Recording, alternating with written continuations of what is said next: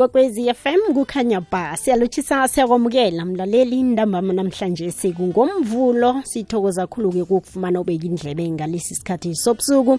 Na usanda uvulela njenganje umhasho lo awukachaphi mbala ikwekwezi FM kukhanya ba. Ukulotshisako nokwamukelako ntambama nje ngu-tk induli unamgwezani. Singena ehlelweni umthombolo welwazi. Kusabe kubethe isimbi yechumi sisoke mlaleli. Kazileli hlelo ulethelwa yi-sabc education enriching minds enriching lives. Umnyaka ka-2022 emlaleli withena uthomako kwaba kuningi umnyango oba nakho ngomnqopho okobana-ke ihlelo lokufunda nokufundisa libe ngelithe cha kanti-ke ngalesi sikhathi eh, sonyaka eh, ngemaphethelweni eh, mlaleli kokwez FM eh njeke umnyango uba namahlelo ahlukahlukeneko eh, ngomnqopho wokuthuthukisa zefundo nokuthi wonke umntwana esifundeni athole ifundo ethe cha ehlangana ke nokhunye esingakufaka singafaka ke ukwamukelwa kwabafundi ngenkolweni esakhuluma ngakho-ke vele inkolo nazivulwako isakhuluma nge-school nutrition e-learning eh inkolo ezitsha ezakhwako hlangana namanye amahlelo atholakala kiwo. Uyakhumbula-ke nanda ihlelo ranza shikolo shawena okungilo-ke elisiza khulu-ke ngenkolweni zethu mlaleli kokwezi FM ebonyana-ke kuhlwengeke ngaso soke isikhathi. Konke lokhu-ke sizokukhuluma-ke ngaphakathi kwehlelo leli mlaleli kokwezi FM sibuthelele konke eh eminyakeni ka-2022 okwenziweko sicale ukuthi-ke ngikuphi okube impumelelo okukhambe kuhle. Khona-ke ubabuzwane la emtatweni ujasper zwane ukhulumela umnyango wezefundo esifundeni sempumalanga. Nguye-ke mlaleli kokwezi FM sakhulumisana naye kuthi nawe-ke emtatweni sikwamukele nalapha ku-whatsapp ukhulumisana nathi ngesihloko esisiphethe namhlanje. Sibabuzwane ngiyakwamukela ngiyakulotshisa emhashweni kwekwezi FM siyabingelela TK sibingelele abalaleli bekwekwezi FM sithi kukhanya ba sibonge kakhulu ithuba elisipha lona. Babuzwane kukhanya ba.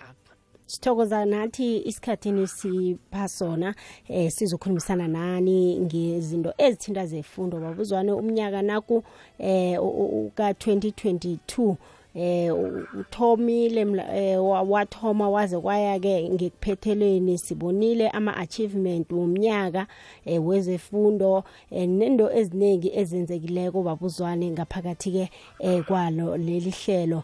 Akhe mhlambe ke babuzwane kusibeke emkhanyweni ngiyiphi impumelelo ongayibala ama achievement umnyaka umnyango obe nawo siyabonga sithe sicala unyaka sa wakhishwa imiphumela yaka 2021 iprovince yaregister u73.6% pass rate emva kokuthi abafundi babhale ngesimo sinzima kakhulu seCovid-19 kwaba into esijabulisayo ukuthi since 2012 eh sikhonile ukuthi sikhiphe imiphumela engaphezulu kuka 70% sisifundazwe. Yize nje sifisa ukuthi siye ngale kubo 80% o abafundi baphase bonke. Kwabonakala masikhipha imiphumela ukuthi eh imbombela circuit kuba i-circuit ephambili kuwa wonke oyi-72 ama circuit ku province but into esijabulisa kakhulu makuphuma imiphumela ingane yethu yalapha ekwamhlanga secondary school ukhothatho mphaka waba i-overall best. Lena bekuqala cha emlandweni wokubhala i-grade 12 exam ukuthi intombazana yomuntu omnyama ebuya le emakhaya eh ku quintile eh one school eh no fee school abe i overall best learner. Athola ama results 300 out of 300 ku mathematics 300 out of 300 ku physical science aphase wonke ama subject wakhe ngama distinctions eh kwaba into nje esijabulisa kakhulu nomphakathi wonke wasempumalanga. Wakujabulela lokho. And manje use University of Cape Town kwenza imedicine ufundiswa i-Department of Education la eMpumalanga kuyinto nje enye esathi nasiyibuka sathi cha kusho ukuthi umbuso uyasebenza abantwana bethu bayasebenza.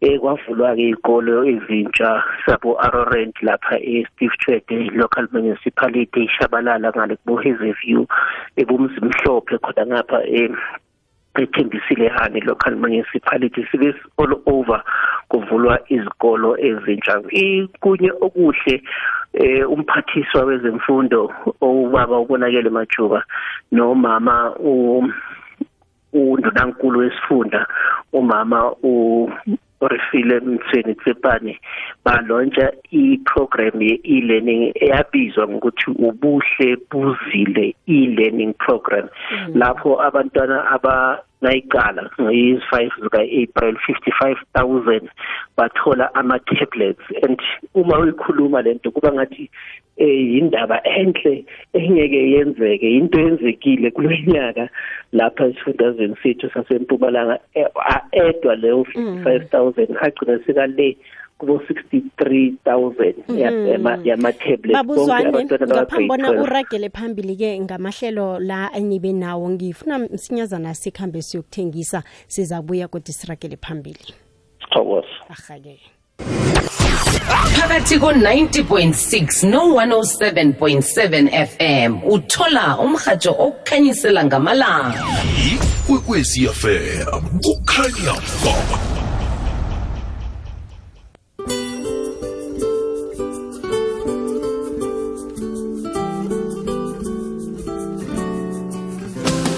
sirakela phambili nehlelo lezefundo umthombo welwazi. Sanovulela umhatsho siyakwamukela siyakulotshisa mlalele kwekwezi FM ngingutk nduli Induli unamgwezani. Emtatweni ngikhambisana nobaba ukhulumela umnyango wezefundo umhlonitshwa uJasper Zohane.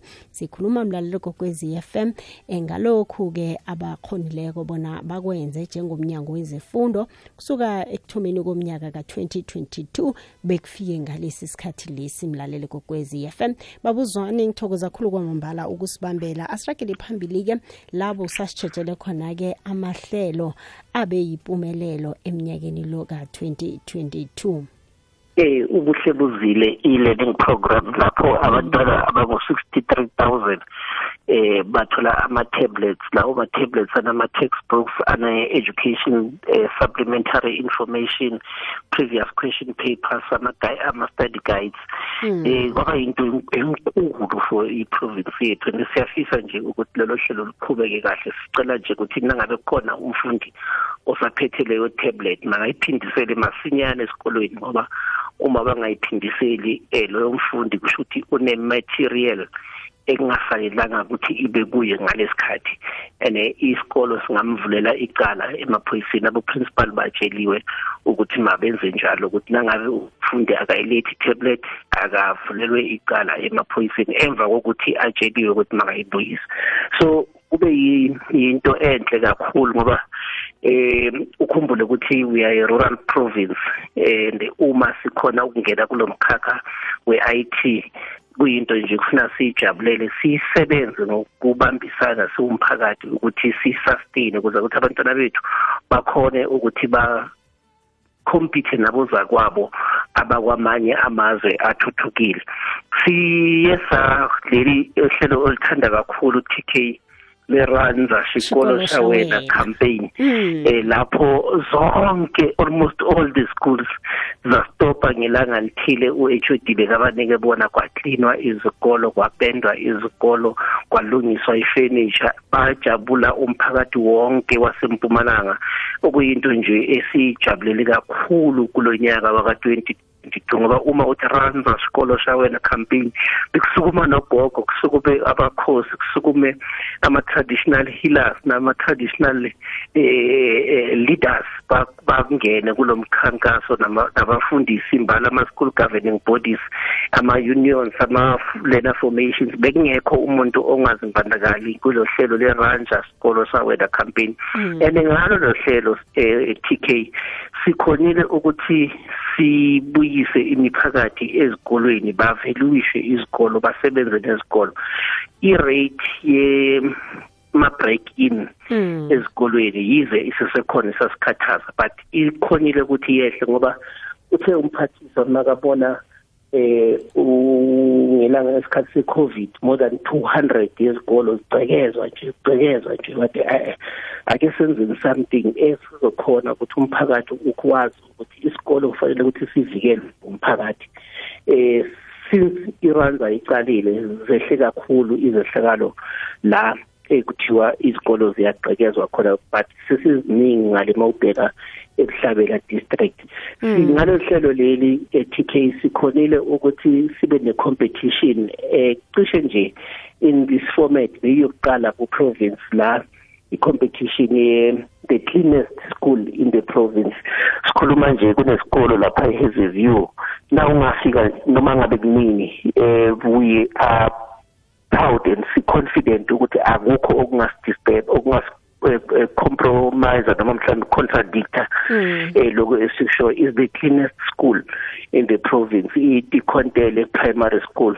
Benza konke okusemandleni wabo semakhaya. It's not like it's a former model school. Isikolo semakhaya but nje mawungena egate uyabona ukuthi yabona la ngena endaweni yokufundela indawo esikuni kakhulu enhle.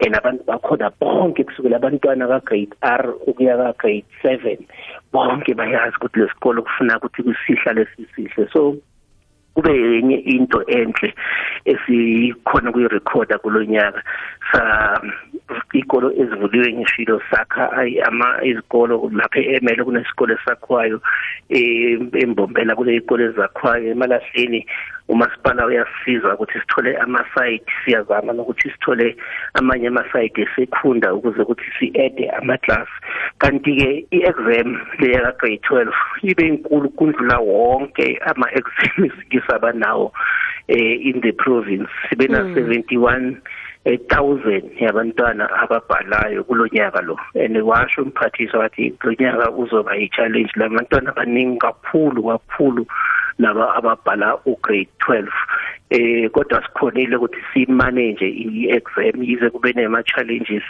eh lapha emalahleni la abantwana bangazange bakhona ukubhala khona bayi 1127 but uminister eh nethimba lakhe bazama ukuthi bababhale labantwana okuyinto nje kufuna sishayele ihlombe ukuthi nasithi uhulumende onakekelayo uhulumende okherayo kubonakele ngokuthi labantwana banikwe i-concession. Saba nokuthisha eh abaphumelelayo ku National Teaching Awards the best teacher in the country uMandla eh Dlamini kule category lena excellence in technology enhanced teaching and learning.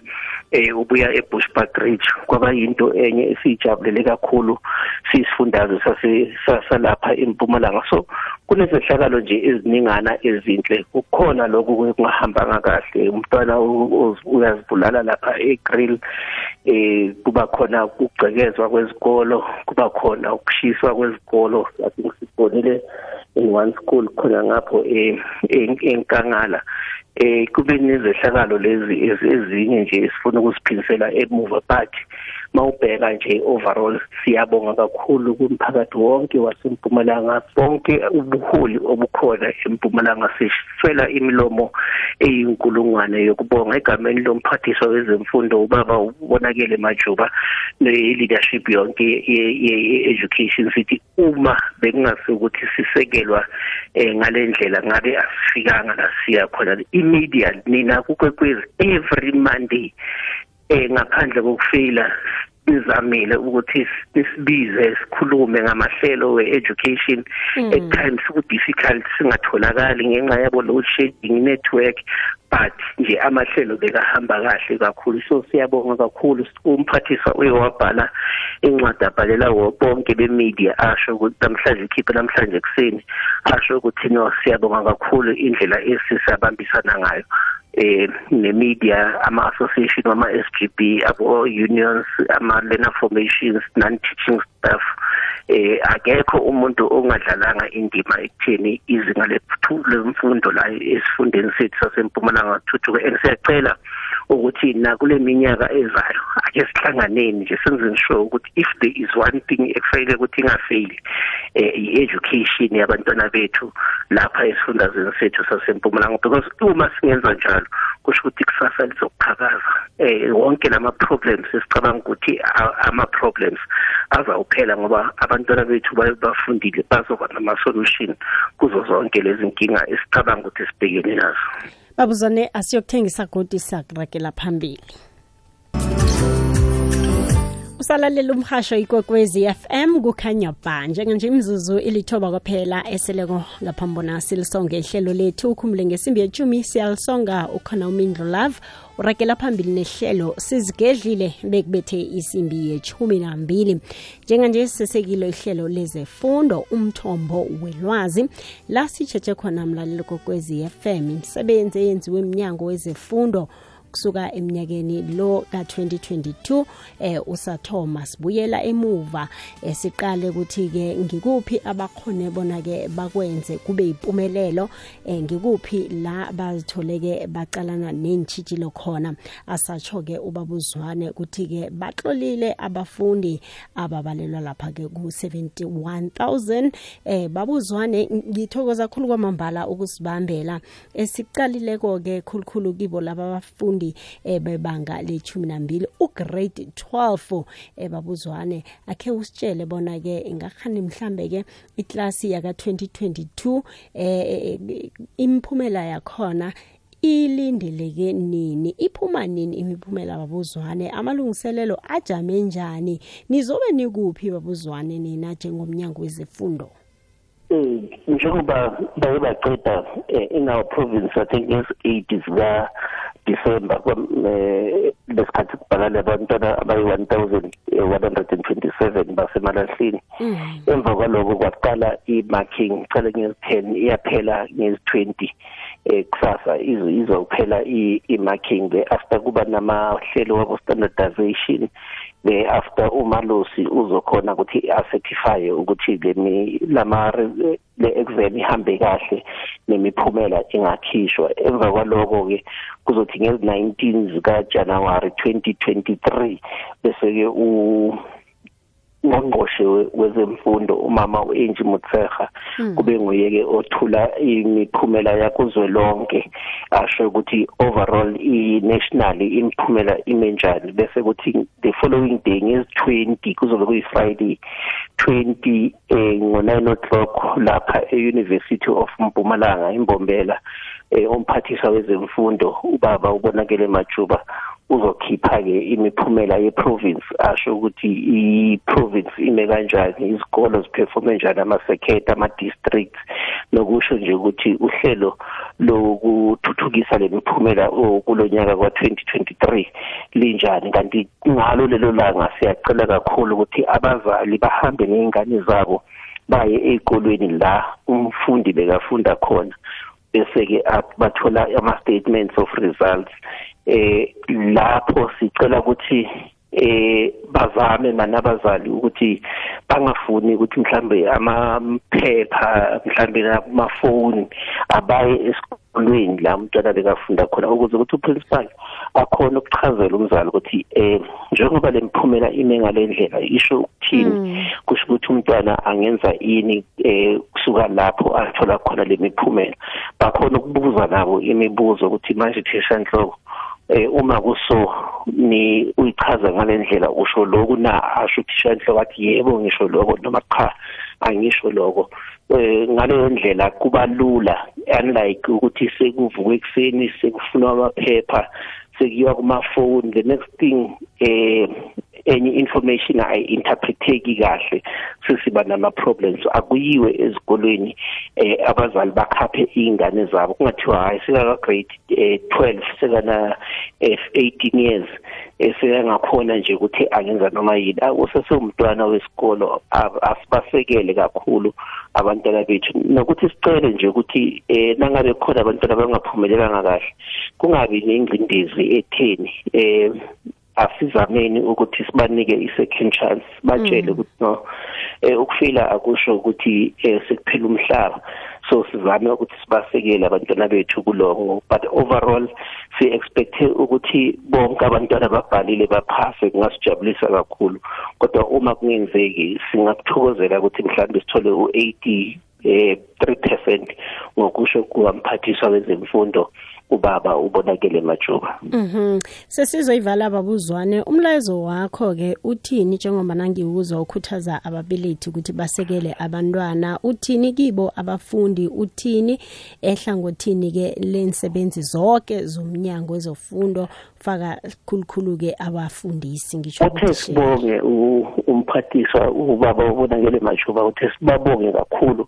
Sibafisele izilokotho ezinhle zonyaka zakhisimusi nokuthi bangene kahle onyakeni waka 2023 eh sicele ukuthi bazame ukuthi ngalesikhathi lesi eh bakhumbule ukuthi izikolo ziyavulwa ngezi10 eh lezika January 9 bayangena bothisha 10 11 bayabuya abantwana bonke kulonyaka ozayo. So awenziwe lawo ma preparation okuvulwa kwezikolo eh sinciphise kakhulu la ekuphuzeni utshwala eh izidakamizwa. Sizame ukuthi nangabe mhlawumbe umuntu ufuna ukuthi athathe ibhodlela elilodwa linamamabili angadrive ikari sinciphise nezingozi lezi ezenzakalayo. Sibe nje ne festive season emnandi nje sihleli nemindeni yethu eh nabafundisi bakhuleka. Nje kuhlaleke nje lapha emakhaya sizame nokuthi ubugebengu sibukhona ukuthi bunciphe nje kube khona kuhlala okukahle ukuze ukuthi kuvulwa ikolo kube wonke umuntu eh u re-energizile kahle ba nomdlandla ekutheni sicale unyaka waka 2023 ngomfutho omkhulu sisifundazwe sasempumalanga but sisela nje nani eh TK nemindeni yenu nemanagement yonke ekwekwezi. Siyabonga kakhulu isupport enisinike yona sinifisela izilokotho ezinhle. Kwangathi nje konke enikuthintayo kungathena nje kube igolide kube isiliva kuhlale nje kuqhakazile. Izinkinga eh sibe nazo mazingaphindi zibuye nje konke makube mhlophe kukhanye kube kukhanye ba. Babuzwane sithokoza kakhulu kwamambala. Nathi ke simhashe kwekwezi FM sithokoze kakhulu ukubambisana nani emahlelweni wezefundo. Sithokoza kakhulu sinifisela ke okuhle imiphumela yabantwana ngathi ingaba ngile esithabisa sonke ngithokoze kakhulu babuzwane ukusebenzisana nawe kanye nabo bonke abalingani bakho ebephele sinande siba nabo emahlelweni wezefundo. Nibe noChristmas omuhle babuzwane. Akube kuhle kube ngizolo ahake sithokoze ahake sithokoze kwamambala. Kwamambala kukhanya ba. Kukhanya ranza xikolo xa wena. Ranza sikolo xa wena. Mlaleli kokwez FM besikhulumisana naye ngubabuzwane okhulumela umnyango wezefundo esifundweni sempumalanga. Besisonga ke namhlanje singithokoze khulu kwamambala kubeka kwakho indlebe siyathokoza vele mlaleli kokwezi FM ehlelweni umthombo welwazi. Ayi namhlanje sike siyayivala sizobuya kodwa sihlangane umnyaka ozako. Lokho ke kusasa likhona ihlelo commerce and finance. Njengoba nawazi ukuthi amahlelo wethu wezefundo ayahluka la emhashweni ikwekwezi FM kodwa nalo mthombo welwazi lona wasilibeka phasi. Siyathokoza hlalithwa eh sithokoza kakhulu kwamambala. Eh ngiyathemba ke ukuthi ke nomnyaka ozako nakhona siza kubambisana kuhle ngendlela esibambisene ngayo. Ngikhuluma ngomvizi ke nangithi hlalithwa ikhuluma ngoPatrick Kabini nokunguyeke oveza ihlelo lezefundo umthombo welwazi la emhashweni igwekwezi FM siyahlangana ke kusasa commerce and finance. Lelo kweza belivezwa nguTheti Sikhosana umsoko nolenga. Mina ngingu-TK Induli unamgwezani ngikuchiya noma khuthalele ezimfaneleko umindlo lavo kamthombeni ukuhamba nawe bekubethe isimbi yeshumi nambili ehlelweni sizigedlile. Mina khambile.